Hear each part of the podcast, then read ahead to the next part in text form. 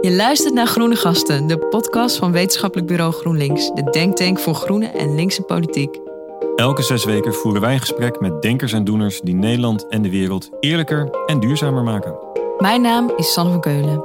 En ik ben Evert Nieuwenhuis. Ik kan amper zijn hoofd boven water houden. Die, maar die betaalt wel de subsidie voor, uh, voor vijf olieraffinaderijen. Dat is natuurlijk te gek voor woorden. Om je een beeld te geven, de bakker om de hoek die betaalt 30 keer meer voor klimaatmaatregelen dan Shell.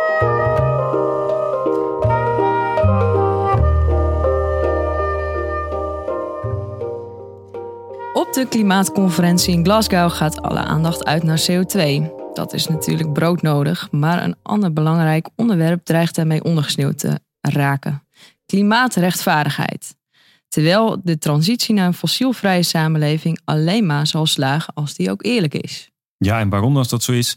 Daarover gaan we praten met twee gasten die daar veel van afweten en er ook nog net een iets andere kijk op hebben dan je doorgaans uh, tegenkomt. En dat is uh, Donald Pols, directeur van Milieudefensie, en Amma van Danzig van adviesbureau Dr. Monk. Welkom allebei. Dankjewel. Dankjewel. Amma, om te beginnen met jou. Wie en wat is Dr. Monk eigenlijk? Uh, Dr. Monk is ons kantoor, ons bedrijf. Wij zijn een sociaal innovatiebureau. Dus uh, wij bestaan nu dit jaar tien jaar. En uh, we hebben een kantoor in Ghana en een kantoor in Amsterdam.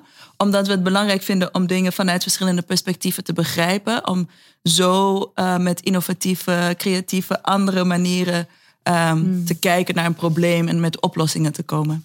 En ik, ik zag op jullie website dat jullie ook een, een climate change church hadden. En ja. dat triggerde mij. Wat is dat? Waarom triggerde het ja? ja. Hmm. Nee, uh, het, is, uh, het is onze kerk. Um, en uh, dit hebben wij bedacht omdat vanwege bepaalde inzichten. Eén is, als je transformatie wil, heb je community nodig. Dat kan je niet in je eentje. Um, een ander is, wat zijn de uh, meest duurzame communities zijn vaak ook, soms ook wel uh, de meest problematische communities. En dat is de kerk. Voor mij, in mijn ervaring, ik ben uh, katholiek opgevoed, ge, een beetje een soort van. En um, in een heel christelijke omgeving. En dat vond ik best wel ingewikkeld, want thuis hadden we dat niet. Um, dus ik dacht, laat ik maar mijn eigen kerk beginnen. Dan is er geen probleem meer. En uh, dat, dat vonden wij met z'n allen heel erg leuk. Dus het oh, is mooi. een kerk zonder God, zonder Jezus, zonder Bijbel. Uh, maar wel over, de, over klimaatverandering. Nice.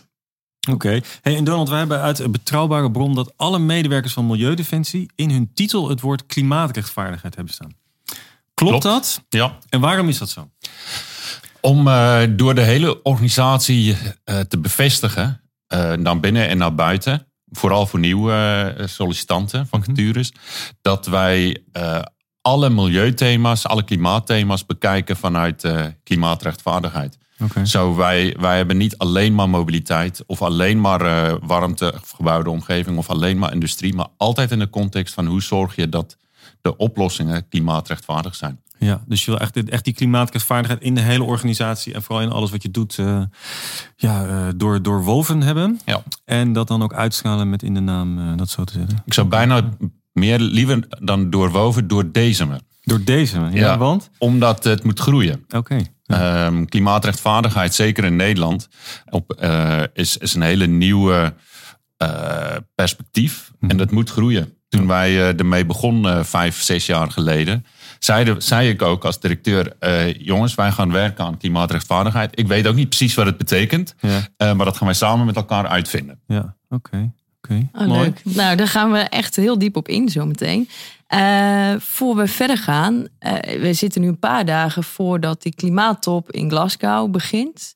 Jij gaat daar sowieso heen, Evert. Ja, wat ga je daar eigenlijk doen? En heeft dat ook iets te maken met klimaatrechtvaardigheid? Ja, nou, ja, ja in zekere zin wel. Omdat denk ik uh, heel veel wat uh, over klimaat gaat. En klimaat, uh, de klimaatcrisis natuurlijk... Ja, nou goed, dat gaan we allemaal bespreken straks. Maar dat de klimaatrechtvaardigheid heel belangrijk is. Maar heel specifiek ga ik erheen om namens het wetenschappelijk bureau te praten... over de rol van waterstof in de fossielvrije economie. En met name ook in het licht van groene industriepolitiek... waar ik hiervoor een eh, rapport over heb geschreven. En ik denk eh, dat ik daar inderdaad af en toe ook het woord eh, climate justice laat vallen of zo. Als dat, Nou, zeker na vandaag in Ja, ieder geval. precies. na deze maar ja, ja. Nou, we gaan vandaag drie thema's bespreken. Eerst eigenlijk wil ik de term klimaatrechtvaardigheid soort van chirurgisch gaan ontleden. Om, ja, zodat iedereen kan snappen wat het echt is, welke perspectieven. Eh, en dan wil ik ook wat verder inzoomen op ehm, ja, perspectief buiten Europa en de westerse wereld. En tot slot gaan we eh, ook nog kijken wat het dan betekent in Nederland en welke politieke consequenties daaraan hangen. Dus moet lukken, toch? Mooi. Ehm, als het even over dus die klimaatrechtvaardigheid, wat dat, wat, wat het precies is. Misschien, Alma, als ik met jou begin, hoe, hoe zou jij klimaatrechtvaardigheid eh, definiëren? Ehm, ik denk dat het eh, voor mij dan heel veel te maken heeft met ehm, de ongelijkheid in hoe wij naar de wereld kijken, überhaupt. en, en de ongelijkheid in de, in de huidige, in het moment waar we nu in leven. Dus ehm, de mensen die, of de werelddeel die het meest heeft bijgedragen aan klimaatverandering. Eh, is niet de werelddeel waar je de meeste consequenties van klimaatverandering voelt. Ehm, zelfs als je. We hebben nu een hele mooie lexicon samen be- bedacht. Iedereen weet waar, waar we het over hebben als we het over anderhalve graad hebben. Als we het over IPCC hebben. Iedereen. Waarschijnlijk de mensen die luisteren. Eh, IPCC, klimaatverandering als concept, dat, dat weten we allemaal. We hebben enorme eh, klimaatmarsen hier. En aan de andere kant van de wereld zijn er mensen die, de, die, die het voelen, die het ervaren en die de taal ervoor niet hebben. Ja. En dat, dat vind ik onrechtvaardig. Want voor ons kan het best wel theoretisch zijn, kan het een kwestie van opties zijn. En voor heel veel mensen op aarde zijn er gewoon geen opties. En voor ons hier is het een kwestie van de toekomst, voorbereid zijn op een toekomst. En voor heel veel mensen is het hier en nu en een nachtmerrie. Mensen lijden honger vanwege klimaatverandering. En dat is onrechtvaardig. Dus klimaatrechtvaardigheid heeft voor mij te maken met het gelijktrekken van eh, iets wat heel eh, ongelijk verdeeld is. En al honderden jaren zo is. Dat is niet iets van nu, sinds wij het over klimaatverandering hebben. Het is gebaseerd op iets eh, onrechtvaardigs. Gewoon fundamenteels onge- onrechtvaardig. En dat is ehm, kapitalisme. Let's just go right there. Ja. Goed, het woord ligt op tafel. En voor jou, eh, Donald, hoe, zou, hoe, hoe, hoe, hoe definieer jij klimaatrechtvaardigheid of onrechtvaardigheid? Nou, ik sluit me volledig aan eh, bij Amma. Ehm, en daarbij zou ik het, zeg maar, als ik het in mijn eigen woorden moet zeggen, is dat ambitieus klimaatbeleid waar de grootste gedeelte van de samenleving erop vooruit gaan. En dan gaat het vooral over eh, de middeninkomens en lagere inkomens. Eh, en ambitieus klimaatbeleid, eh, betekent anderhalf graden. Ehm, en erop vooruit gaan betekent dat mensen een beter leven krijgen door klimaatbeleid. Eh, hier in Nederland, maar ook in het zuiden. En dat lijkt helemaal vanzelfsprekend, weet je. Wij werken aan een betere wereld. Dan eh, is het niet alleen beter in de toekomst. Het is ook nu beter. Maar als je kijkt naar hoe klimaatbeleid op dit moment vorm wordt gegeven... dan wordt, eh, en, en het beste geval wordt mensen aan de, aan de midden- en lagere inkomens... worden aan de kant gezet. Die worden, zijn niet onderdeel van het klimaatbeleid. Eh, en in het slechtste geval wordt zelfs de kosten op ze afgeschoven. Weet je, Ehm, lagere inkomens betalen drie tot vier keer zoveel energiebelasting dan hogere inkomens als aandeel van hun, eh, hun eh, inkomen. En de kosten, in internationaal zin, van ons klimaatbeleid wordt in veel gevallen afgewenteld op het zuiden. Weet je, denk aan biomassa. Biomassa bijstoken in elektriciteitscentrales. Die bossen worden omgehakt in, eh, in het zuiden. Of het winnen van eh, eh, eh, metalen, edelmetalen voor, voor ons windmolens en zonnepanelen. Komen uit bijvoorbeeld de Congo. Ja. Ehm, en dan wordt door kinderen, of kan door kinderen gemijnd worden. En in veel gevallen wordt het ook door kinderen gemijnd. Daar hebben wij trouwens als wetenschappelijk bureau gaan we daar bijna een publicatie over uitdoen. Over die metalen voor de energietransitie. Dus die zullen we wel met jullie delen. Wat, wat mij opvalt in jullie verhaal is eigenlijk. ehm, er, is die grote ongelijkheid op wereldschaal en ook binnen onze samenleving. Ehm, dat heeft een oorzaak. En over de, hoe het voor mij even klinkt, over de band van klimaatverandering ga je die ongelijkheid aankaarten. Zie ik dat goed? Ja, denk het wel, maar dan lijkt het alsof, alsof het uh, van elkaar, dat het losstaat van elkaar. Ja, ja. Terwijl, of alsof klimaat alleen een symptoom is van een groter probleem. Maar alles, ik denk dat alles heel erg met elkaar samenhangt.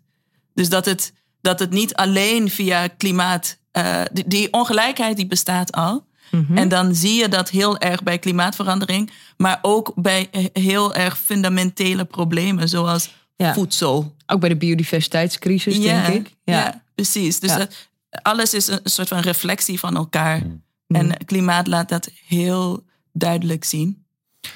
Ja, en ik denk, dat, ik begrijp wat je zegt en dat hoor ik wat vaker. Eh, en dan is het vervolg ook van, weet je, ma- moet maak je het niet nodeloos complex. Weet je, laten we een ongelijkheid op de ene plek oplossen en klimaat op de andere plek. Ja.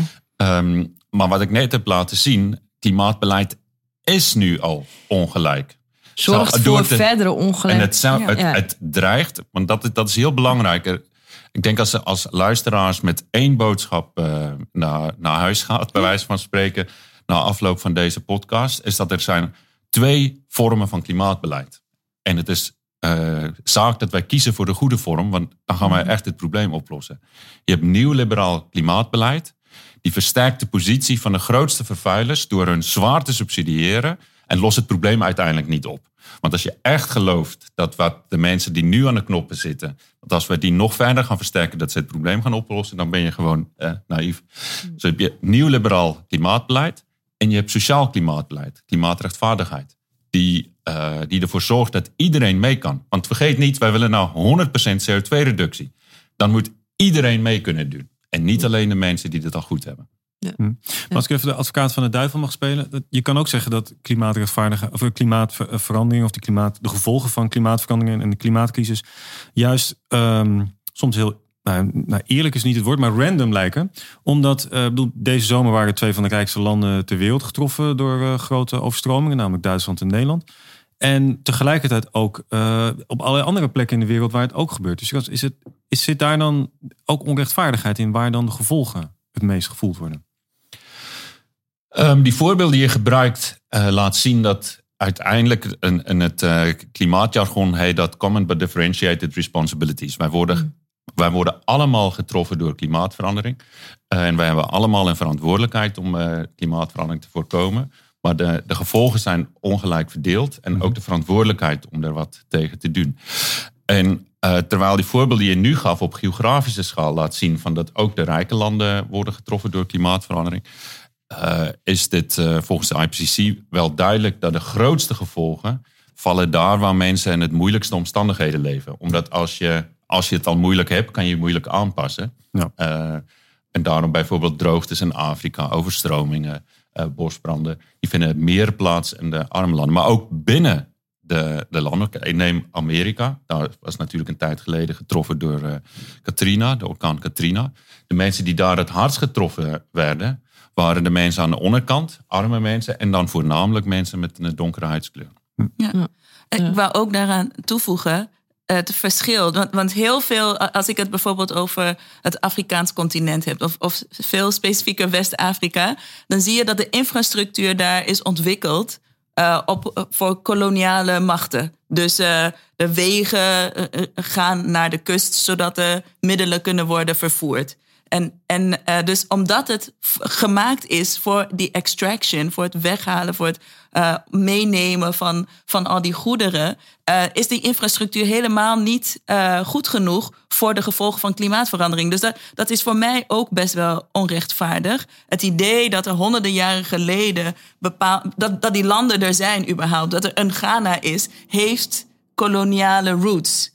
En, en eh, Ghana is bekend om goud en cacao en al die mineralen die wij eh, zo eh, van genieten hier eh, in het Westen. En, ehm, en die infrastructuur is gewoon niet sterk genoeg of kan niet tegen de, de gevolgen van klimaatverandering. Dus als je het hebt over regen, als het regent, regent het heel hard. En dan, eh, ehm, ehm, en dan is alles kapot. Maar dat, en dat kan je, je kan mensen zeggen, het, het gaat heel snel in Nederland met die, dit soort gesprekken naar, ja, maar die landen, die zijn daar toch zelf verantwoordelijk voor? Is dat wat jij ging zeggen? Nee, Of- nee, nee, nee, nee, ik zou niet durven. Oké, of, Nee. of erger nog, Nou, ze zijn corrupt. Hè? Ja, ja. Dus zij lossen het zelf niet op. Dat is toch niet onze verantwoordelijkheid. Maar het idee dat wij honderden jaren lang middelen daar hebben gehaald om onszelf hier rijker te maken.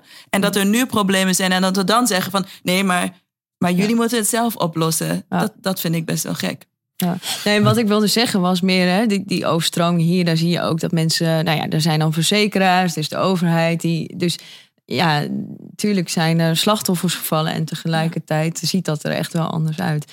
Waar ik nog even op, op wilde, eh, je hebt natuurlijk termen als just Tran- transition, eh, ook de vervuiler betaalt is natuurlijk zo'n populaire ehm, ja, term eh, wat gebruikt wordt in dit debat.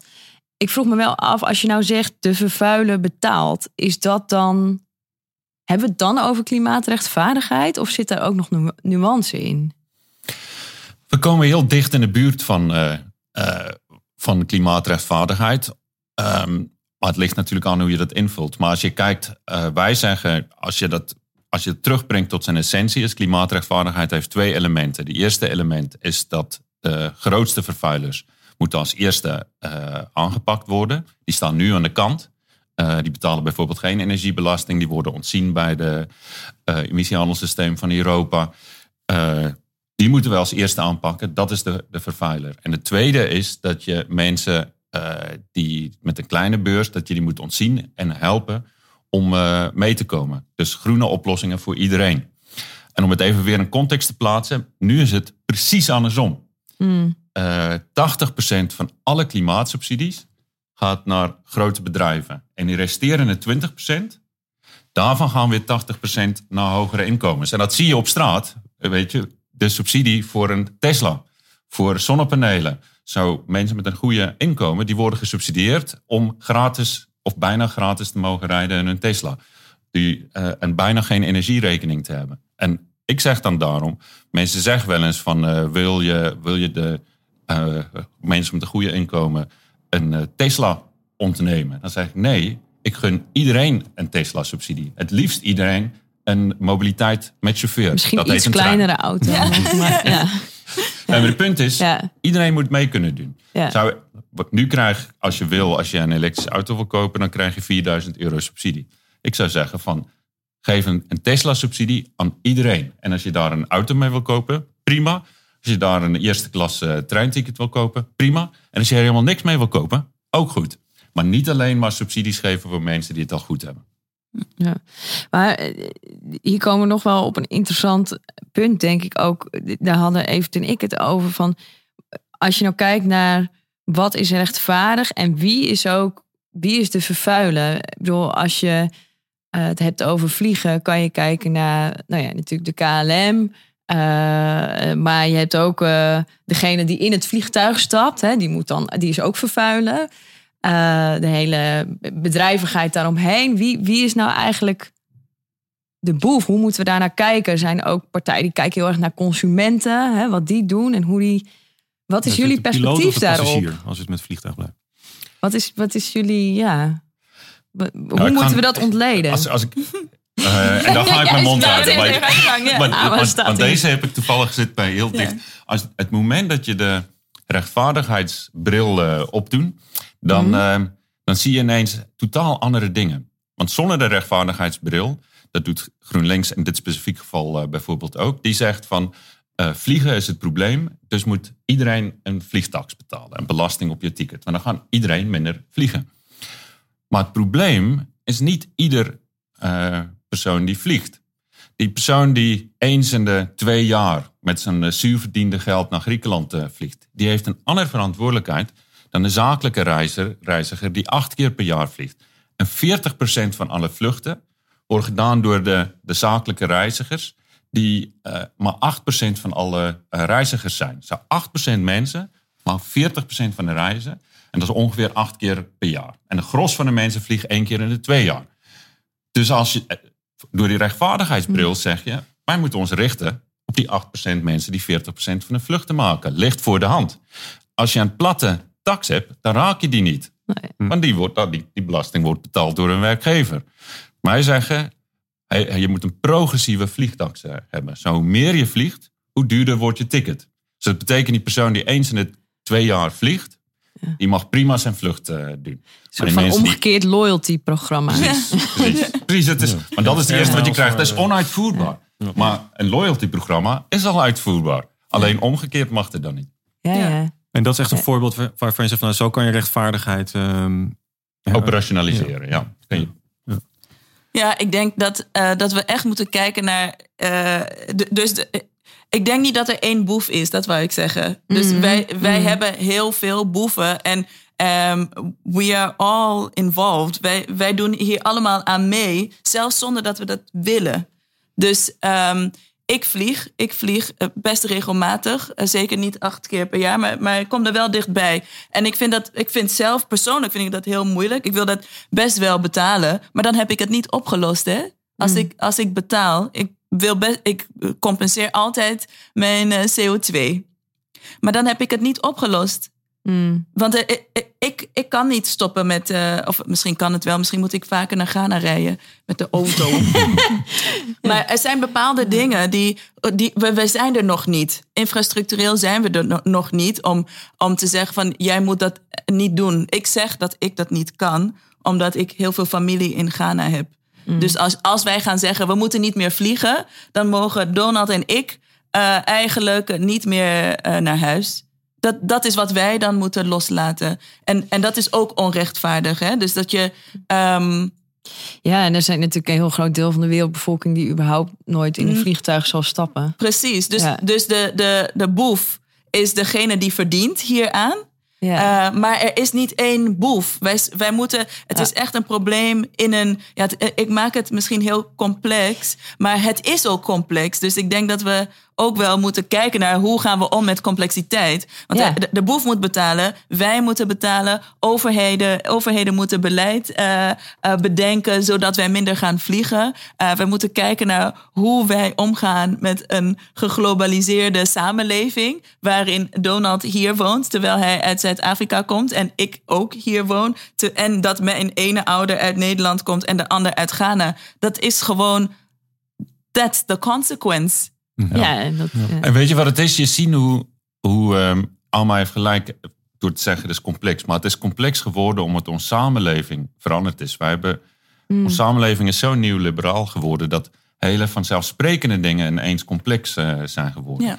En, en wezen is klimaatrechtvaardigheid niks anders dan de eeuwenoude concept van sociaal-democratisch concept van de sterkste schouders, de zwaarste lasten. Niet veel moeilijker dan dat. Ik heb nog een andere vraag als eh, advocaat van de duivel. Je hoort wel eens eh, dat eh, klimaatvra- of klimaatbeleid kan- zal alleen maar werken als het rechtvaardig is. En dan denk ik wel eens, ja, oké, dat, is- dat is heel mooi gezegd. En ik denk dat ik dat ook vind. Maar is, het, is, is dat zo? Want eh, het is al vijf over twaalf. Het is al pompen of verzuipen. Ehm, hebben we dan nog wel tijd voor rechtvaardigheid? En als je kijkt naar een land als China, waar er minder op dat soort dingen wordt gelet, daar worden ondertussen, ja, op sommige vlakken niet, maar op andere vlakken worden er wel enorme stappen gezet. Waarom moet klimaatbeleid altijd rechtvaardig zijn om effectief te zijn? Mag ik jou een vraag stellen? Wa- Wat, is klimaat, wat is onrechtvaardig klimaatbeleid? Wat, eh, hoe ziet dat eruit? Als, als je de rechtvaardigheid eruit gooit, Mhm. Wat betekent dat? Wat, wat betekent dat over, wat zegt dat over wat je denkt? Als je denkt dat er een klimaatbeleid kan zijn, dus, dus klimaatverandering is, eh, heeft te maken met you know, heel veel tijd en heel veel mensen. En het is globaal. Het is niet een Nederlands probleem of een Europees probleem. Het is een, een probleem van ons allemaal. Dus als wij de rechtvaardigheidsstuk eruit gooien, wat is het dan? Wat, wat betekent dat? Wat heb je Nou, dan nou, ik, over? ik speel je advocaat van de duivel, Ja. maar mensen kunnen dan zeggen, nou, het is vooral heel effectief. Dus we kunnen Ja. heel lang zeggen, van, nou, hoe moeten we in Nederland de windmolens zo eh, eerlijk mogelijk neerzetten? Of moeten we ze gewoon neerzetten, want we moeten gewoon als een sodemieter aan de slag. Dus, dus daarom is, waarom Hmm. zou het altijd rechtvaardig moeten? En dat is dan... Omdat de rechtvaardigheid is de enige manier, Mhm. echt letterlijk de enige manier om effectief klimaatbeleid te voeren. Ja, Want rechtvaardigheid betekent dat je, de, dat je begint bij hun die de grootste verantwoordelijkheid heeft, die het Mhm. meeste CO2 uitstoot en de meeste middelen hebben om een CO2 terug te dringen. Ja. Eh, als je dat niet doet, dan leg je de, de, de last bij, bij groepen die eigenlijk heel weinig CO2 uitstoten en er ook nog heel weinig aan kan doen. Dat is nieuw liberaal klimaatbeleid. Dat is het klimaatbeleid die wij nu in Nederland eh, voeren. Wat ik vertelde, dat lagere inkomens drie tot vier keer meer energiebelasting betalen. Dat is te gek voor woorden. Ja. Hun CO2-uitstoot is al te negeren. Weet je, die gaan niet vliegen, terwijl zij de kosten moet betalen. Jij moet de last daar leggen bij de partij die het meeste uitstoot en de meeste middelen hebben om eh, dat terug te dringen. En een voorbeeld van de consequenties van neoliberaal klimaatbeleid hebben we in Europa gezien. Eh, de Franse president Macron die had eh, met veel bombarderie een nieuw liberaal klimaatmaatregel aangekondigd. En dat was een gelijke CO2-belasting voor op brandstof. De consequentie was, dat is een hele groot land natuurlijk, Frankrijk, Ja. eh, is dat iedereen die veel moest reizen, Ja, vooral gele voor hesjes, die gele hesjes, die Ja. kwamen in opstand. En natuurlijk, als ik, en ik ben al 20, 30 jaar klimaatactivist, als ik dan woonde, stond ik voor, op de rij, voor in de rij met de demonstraties. Eh, Dus als het niet ook- rechtvaardig en dat is wat gebeurt. Ja. Ja. Wil je heel de samenleving veranderen, dan moet je iedereen meekrijgen. Ja, dus als het niet rechtvaardig is, dan één is het juist niet efficiënt, omdat je dan de grote vervuilers niet aanpakt. En tweede, het is omdat je komt gewoon niet ver. Je zul heel snel. Ja, loop je tegen weerstand. Loop je tegen aan. geen en terechte weerstand. Ja. Ja, oké. Want arme mensen zeggen van, ja, ik heb je probleem niet veroorzaakt. Waarom moet ik dan eh, Ja. de grootste kosten dragen? Ja, Maar dit is ook wel een beetje een trendbreuk. Als ik kijk binnen de milieubeweging bijvoorbeeld, dan werd er natuurlijk eerder ook wel gezegd van eh, ja, we moeten gewoon een kritische massa aan mensen meekrijgen en dan gaat dat vanzelf. eh, oh, eh, waardoor komt die verandering in dat denken nu? En, en ik ben ook wel benieuwd wat. ehm, dus we zijn bijvoorbeeld van het woord klimaatverandering naar het woord klimaatcrisis gegaan. Nou, dat doet iets met het gesprek. Jij zei net aan het begin van klimaatrechtvaardigheid heeft iedereen nu in zijn functietitel. Dat doet ook iets, maar wat, ja, wat levert dat op? Die andere terminologie, die andere manier van kijken. Wat, hoe Ja, zien jullie het? Ja. Misschien, eh, nou, eh, klimaatcrisis eh, levert natuurlijk de urgentie op. En als je kijkt naar wat dat.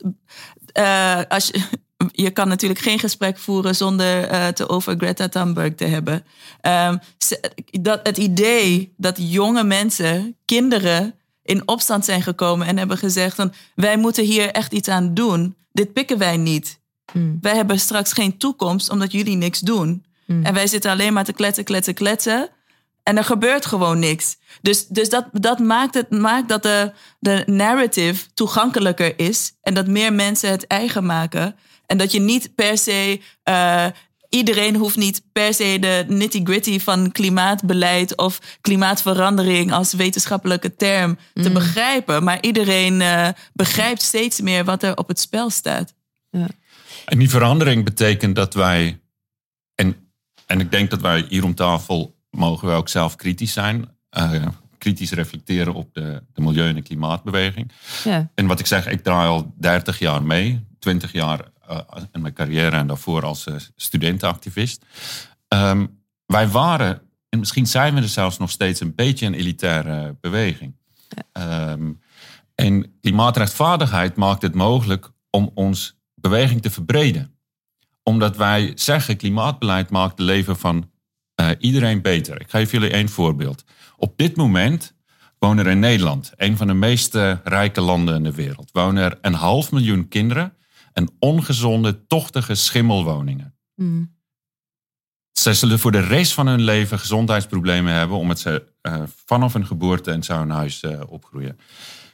Als we dan klimaatbeleid voeren, waarom zeggen we niet, als eerste stap gaan we er zorgen dat deze half miljoen eh, kinderen in een gezonde huis wonen? Je bereikt precies hetzelfde dan wat je op ergens anders begint, qua CO2-uitstoot. Maar dat is dan een voorbeeld van het nieuw-liberaal klimaatbeleid. Onze overheid kiest ervoor om juist de mensen in Wassenaar te gaan subsidiëren. Ja, en is dat niet ook gewoon omdat, hè, als je kijkt naar hoe het stemgedrag in Nederland, dat er gewoon heel veel eh, mensen zijn die op de VVD stemmen, die denken, nou, crisis, crisis, crisis. Ja, daar hebben we natuurlijk, want hoe krijgen we die mensen dan mee? Die zullen deze podcast misschien luisteren, nou ja, weet ik niet. En die denken dan, eh, jeetje, nou, eh, het wordt wel allemaal heel complex. En eh, moeten die ook mee? Want je zegt, iedereen moet mee. Ja, je raakt wel aan we- iets heel, eh, heel dieps. Weet je. Het, het, Ja. ik, ik- er gaat bij mij op dit moment, want het speelt natuurlijk geen dag voorbij dat ik denk, hoe kunnen mensen nog op eh, deze partijen stemmen? Als je, als je leest wat, wat de kabinet mensen heeft aangedaan. Ja. ehm, ja, weet je, het, eh, als ik het nu weer heb, dan slaat ik komen om, de- om de hart. En dat mensen het, het lijkt negeren. Dat, dat, is, dat is een fundamenteel probleem waar ik niet zo 1, 2, 3 een antwoord op heb. Nee. Hey Alma, ik, toen ik een beetje ging verdiepen in Dr. Monk, toen eh, kwam ik een filmpje tegen. En daar zeg je wat jullie vooral doen is luisteren. Dat jullie het heel belangrijk vinden om naar elkaar te luisteren. Als je in Ghana of, of andere West-Afrikaanse landen bent en je luistert naar hoe mensen daar eh, over klimaatverandering of de klimaatcrisis denken. Wat kunnen wij hier nu aan tafel of de luisteraars daarvan leren? Wat, ten eerste, wat hoor je en wat... Nou, ik, ik, weet niet, eh, ik weet niet of de mensen die luisteren er per, per se iets van eh, kunnen leren. Maar ik, ik denk dat mensen daar eh, zich zorgen maken om dingen die heel veel te maken hebben met klimaatverandering, zonder de taal van klimaatverandering te gebruiken. Dus, ehm, ehm, en ik, eh, ik moet ook zeggen, ik luister veel, maar ik vind dat ik veel meer moet luisteren, zonder interpretatie ook.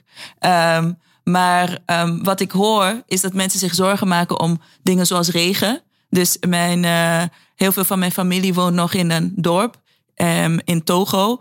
En als het niet regent, zijn er geen plantjes, is er geen eten. Dat is heel simpel. Dat is helemaal niet complex, toch? Nee. Dus als, zo simpel is het. Dat is waar mensen zich zorgen om maken. Dus het, het, het, het is al nu. Het is heel droog nu. Of het regent veel te hard. En mensen weten niet wanneer zij eh, moeten planten en wanneer ze kunnen gaan oogsten. Dat klinkt misschien heel ver weg, maar dat heeft alles. eh, Alles is met elkaar verbonden. dus dus eh, dat betekent dus de eh, eh, toenemende droogte betekent bijvoorbeeld dat er steeds meer mensen, de pastoralisten, bijvoorbeeld de Fulani mensen die met hun vee de Sahel doorlopen en dat honderden jaren hebben gedaan, die komen steeds meer naar het zuiden op zoek naar voedsel voor hun vee. Dat betekent dat mensen zoals mijn oma voor het eerst omringd is met heel veel vee. Dat vindt zij heel gek dat die koeien dan ook op zoek gaan naar ander eten. En dat zorgt voor, conflicten, heftige conflicten nu. Ja. Dat zorgt ervoor dat er steeds meer jongeren weggaan uit die dorpen. Want wat is daar voor toekomst? Die gaan naar de steden. En wat is er in de steden? Mensen vinden het heel moeilijk om in de steden te leven. En the next step, that's what we don't like, dan komen ze hierheen.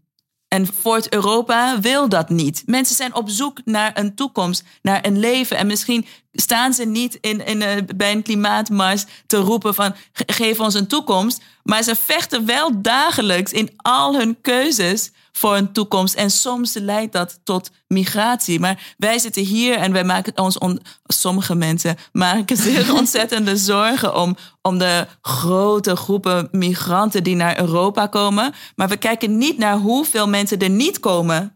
Er zijn zoveel meer mensen die in beweging zijn op bijvoorbeeld het Afrikaans continent op zoek naar een livelihood.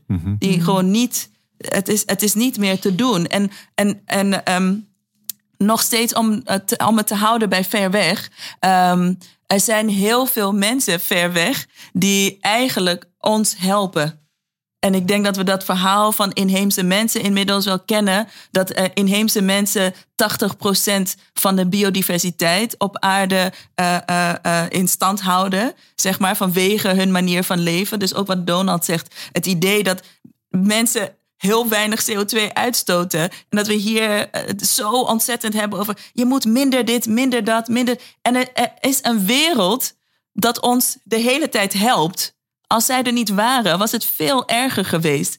En, en dat wij dat niet weten, vind ik ook onrechtvaardig. Dat vind ik heel gek.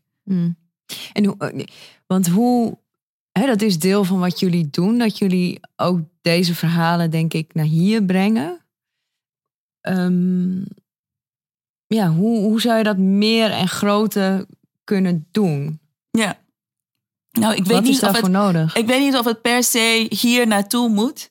Eh, ik denk dat, het, eh, dat mensen zelf in beweging moeten komen. En dat, ze, dat mensen daar, bijvoorbeeld, in Ghana, dat kinderen moeten weten wat klimaatverandering is. Dus dat, dat, dat je weet dat de wereld verandert. Dat het De niet, kinderen in Ghana bedoel je? niet alleen in Ghana, maar ook bijvoorbeeld. Dus, dus het idee dat eh, klimaatverandering heeft te maken met grote, eh, eh, ja, heel veel jaren, heel veel pieces of time. Ja. En het idee dat, dat wij niet weten wat er speelt, dat wij hier, you know, gewoon heel veel leuke, goede, fijne, belangrijke intellectuele uh, gesprekken en debatten voeren. En dat mensen daar niet weten dat de wereld verandert. In de zin van, dit gaat niet teruggedraaid worden. Mhm. Het, het is niet, jij, jij krijgt geen toekomst waarin je een auto gaat kopen. Waarschijnlijk niet. Misschien een drijvende. maar, maar, maar het is een, Ja, het is- totaal ander wereld. Ja. Dus misschien, wat wij hier moeten doen, is eh, helpen daar. Ik denk op beleidsniveau, eh, denk ik dat wij echt moeten nadenken over adaptatie en mitigatiefondsen. Dus wat gaan wij doen om mensen te helpen? Maar daar komen we later waarschijnlijk wel op. Ehm, en wat wij daar eh, moeten doen, is misschien mensen daar ondersteunen om bewegingen te ondersteunen. Is er, waar ik nog nieuwsgierig naar ben, is er nog een verschil hier tussen de, de opkomende economieën, die natuurlijk wel steeds meer gaan autorijden, vlees eten, et cetera. En ja, wordt, wordt, eh, weten jullie daar iets van? Of eh, de klimaatcrisis daar meer over gepraat wordt? Of Ja, China of Ehm, Brazilië? kijk, mensen hebben de recht op ontwikkeling. En ook om de recht om trouwens een ontwikkeling te kiezen. Want dan denken wij meteen dat ze zoals, eh, zoals wij eh, zich moeten en willen ontwikkelen. Maar ik zie dat zelf ook wel als een, als een kans en een onontgonnen terrein. Want wat duidelijk is, is dat je voor een eh, moderne samenleving heb je moderne energie nodig. Dat is een risico. In de zin dat westerse landen, die kunnen zeg maar alle hernieuwbare energie die we, hardware, zeg maar de zonnepanelen, windmolens, die wij hier produceren, die gaan we dan afzetten. Dat wordt dan een nieuwe afzetmarkt voor onze producten. Het is ook een kans in de zin dat jij die landen kan helpen om een eigen eh, industrie te ontwikkelen. Waar ze zelf hun eigen aan hun lokale omstandigheden aangepaste eh, hardware, eh, zonnepanelen, zonnepanelen. Ik heb bij ECN gewerkt, Energieonderzoekscentrum Nederland. Het is een supergevoelige eh, apparatuur. Die moet je echt overal aanpassen. En iedere regio, waar je, een warme regio heeft een ander zonnepaneel dan een koude regio. Zorg nou ervoor dat, eh, dat, dat je die landen helpt om een eigen eh, industrie eh, op te bouwen. Dat ze er niet alles uit Europa hoeven te gaan importeren. Dat zorgt voor snelle ontwikkeling van hernieuwbare energie. Het zorgt voor werkgelegenheid daar. Het zorgt voor kennisontwikkeling. Ehm, eh, en zorgt gewoon voor een veel fijnere samenleving. Ja. Want laten we wel wezen, wij, wij- het, het is altijd een risico dat je naar Afrika gaat kijken als, als eh, in de termen van slachtoffers. Maar in Afrika zijn die, die tijd dat allemaal hongerbuikjes en eh, vliegen om hun hoofd. Het is lang, lang, lang voorbij. Als die al ooit zo was. Er wonen moderne mensen die eh, met slimme ideeën over hun samenleving in de wereld. En die er ook iets van eh, willen en kunnen maken van het leven. En dat we die als partners gaan zien. Als je dat, dat mondiale perspectief op eh, klimaatrechtvaardigheid eh, in oogschouw neemt, wat zou dan het beste zijn wat er in Glasgow besloten kan worden? Ja, het beginnen is natuurlijk dat, en dat is, dat is eigenlijk een schande dat het nodig is om het te zeggen, maar dat eh, de rijke landen gewoon hun afspraken nakomen. Ja, gebeurt Weet niet, je, hè? het, het, liefst, het liefst zou ik zeggen allemaal nieuwe afspraken, maar zij hebben afgesproken om 100 miljard, dat hebben ze eh, in Parijs afgesproken, 100 miljard eh, beschikbaar te stellen aan, eh aan Ja, Nederland het ontwikkelingslanden. nog steeds niet, hè? Ja. Dat is 1,25 miljard, geloof ik. Ja, dat, dat zou in ieder geval een goed begin zijn. Maar ik, weet je, als ik, alleen als ik dat al zeg, gewoon je afspraken nakomt, klinkt eh, ja, het, het treurig, toch? Ja. Maar goed, Ja, ook, ja, ja, ja. dit is zeker treurig. Maar geld dus, dus kom die afspraken na. En wat zouden nog meer goede afspraken zijn om die mondiale rechtvaardigheid... eh, Maar weet je, dan plaats je eigenlijk, en dat is, het, het gaat misschien iets te diep, maar in essentie hebben we in Parijs hebben we een afscheid genomen van een, een visie op klimaatafspraken. Ehm, en die oorspronkelijke, en dat was zeg maar nog in Kopenhagen, was dat je bindende internationale afspraken maakt. Dat hebben we in Parijs achter ons gelaten en een pledge and review systeem hebben we afgesproken. Je belooft, ieder land belooft apart wat hij gaat doen en eens in de vijf jaar gaan we evalueren of het lukt. Dat betekent dat de nadruk veel meer bij landen wordt en eigenlijk niet zoveel bij internationale afspraken. Ik zou zeggen dat Nederland en alle eh, landen in Glasgow eh, zogenaamde ontwikkelingslanden gaan spreken en zeggen van hoe gaan wij jullie als een, een gelijkwaardig en al partnerschap gaan wij jullie bijvoorbeeld helpen om een eigen hernieuwbare industrie eh, op te bouwen. Heel concreet. Stel, weet je, heel concreet. Nederland committeert zich eraan. Wij gaan met tien landen in de mondiale zuiden gaan wij bilaterale afspraken maken om een, eh, een lokale hernieuwbare energie-industrie op te bouwen. Niet zo moeilijk. Kan gewoon zo gebeuren. Ja, jij zei net, Donald, jij gaat niet naar Glasgow, maar misschien moet je toch wel gaan dan. Ja. ja, ja. ja. Zullen we even naar Nederland gaan? Ja, want uh, jij noemde het, nou ja, net kwam het al te sprake. Nederland komt zijn afspraken dan wat betreft de, de, de Global South niet na. Maar er is ook zoiets als klimaatonrechtvaardigheid in Nederland.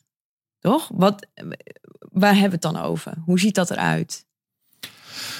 Ja, en in het geval van uh, uh, mensen die getroffen worden, is de onrechtvaardigheid zit hem erin dat um, uh, mensen die, die aan de onderkant van de samenleving zitten, die worden het hardst getroffen door de gevolgen van klimaatverandering. Dan heb je het zoals hete eilanden en steden.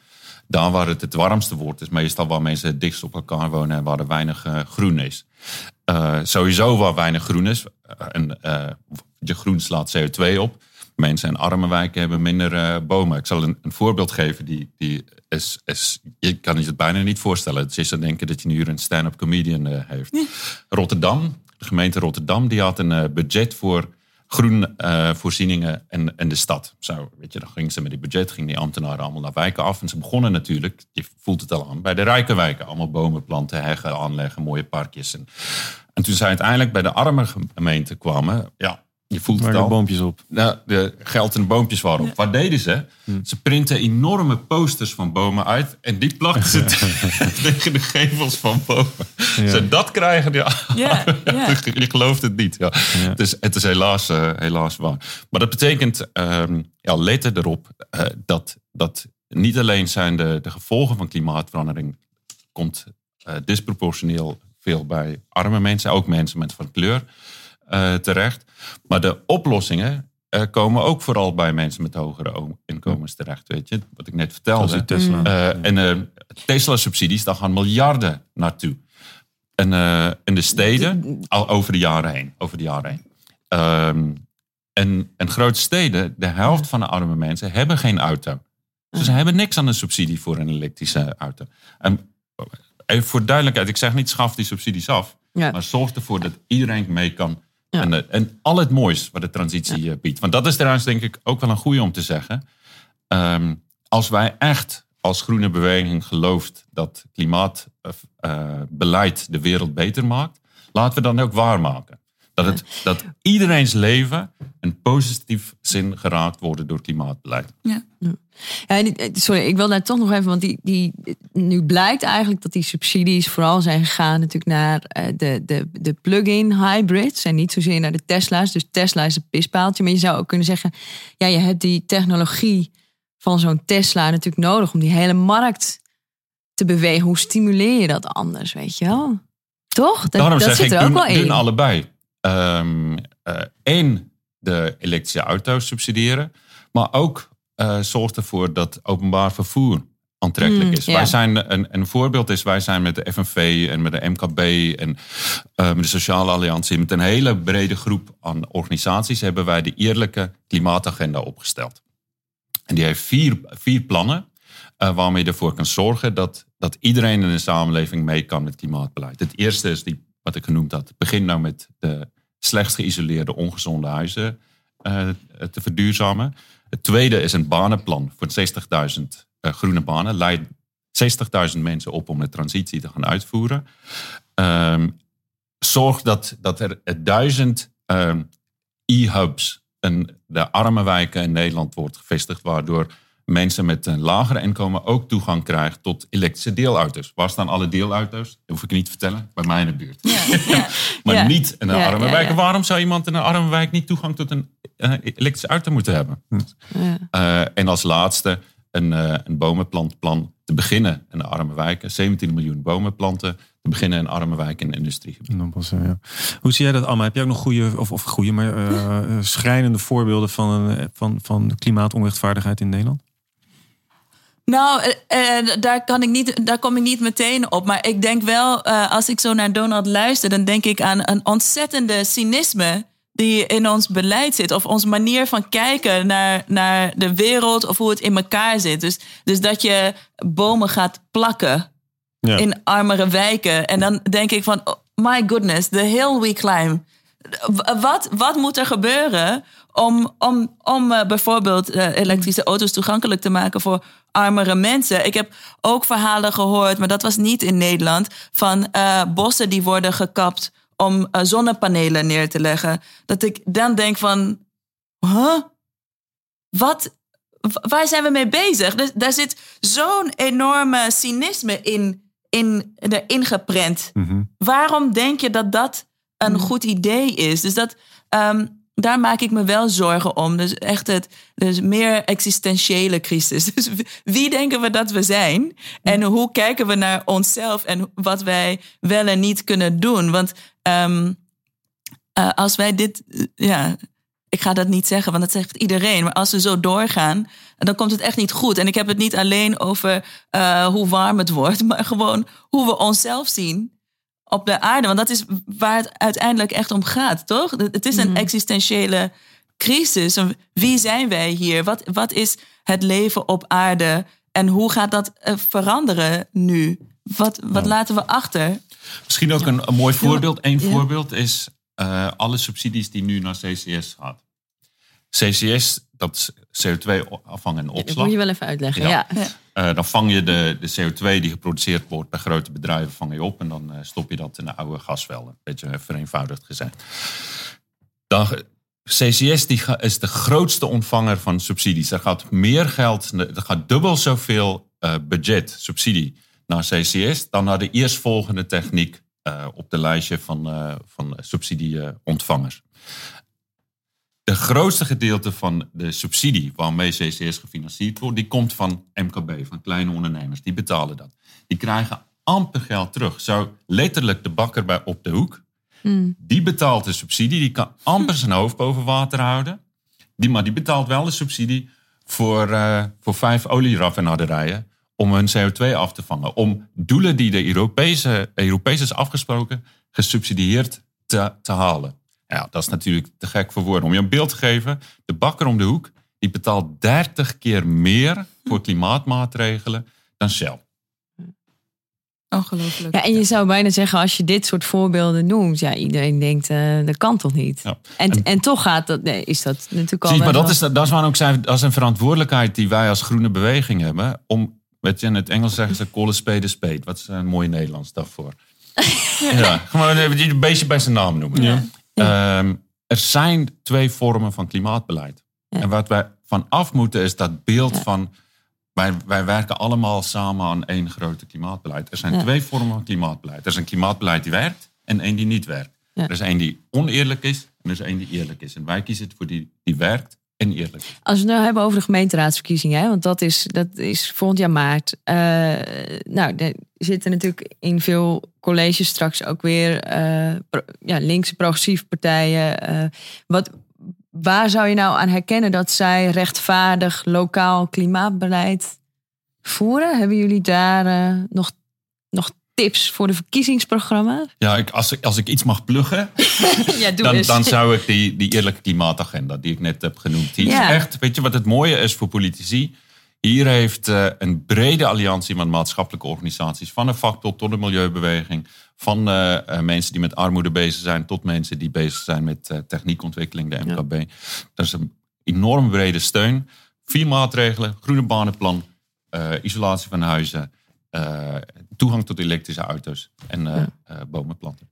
En wij hebben altijd. eh, Gaan we daarheen al? Gaan we afronden? Nou, als ik Ja. nou naar de tijd kijk, eh Ja. wel zo'n beetje. Maar we zijn Ja, want ik wou net zeggen, we, we hebben altijd een hele mooie uitsmijten. Weinig is zeker in het leven.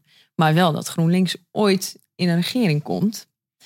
Uh, en stel, je wordt dan minister van Klimaat in dat kabinet. Welke drie dingen ga je in de eerste honderd dagen doen?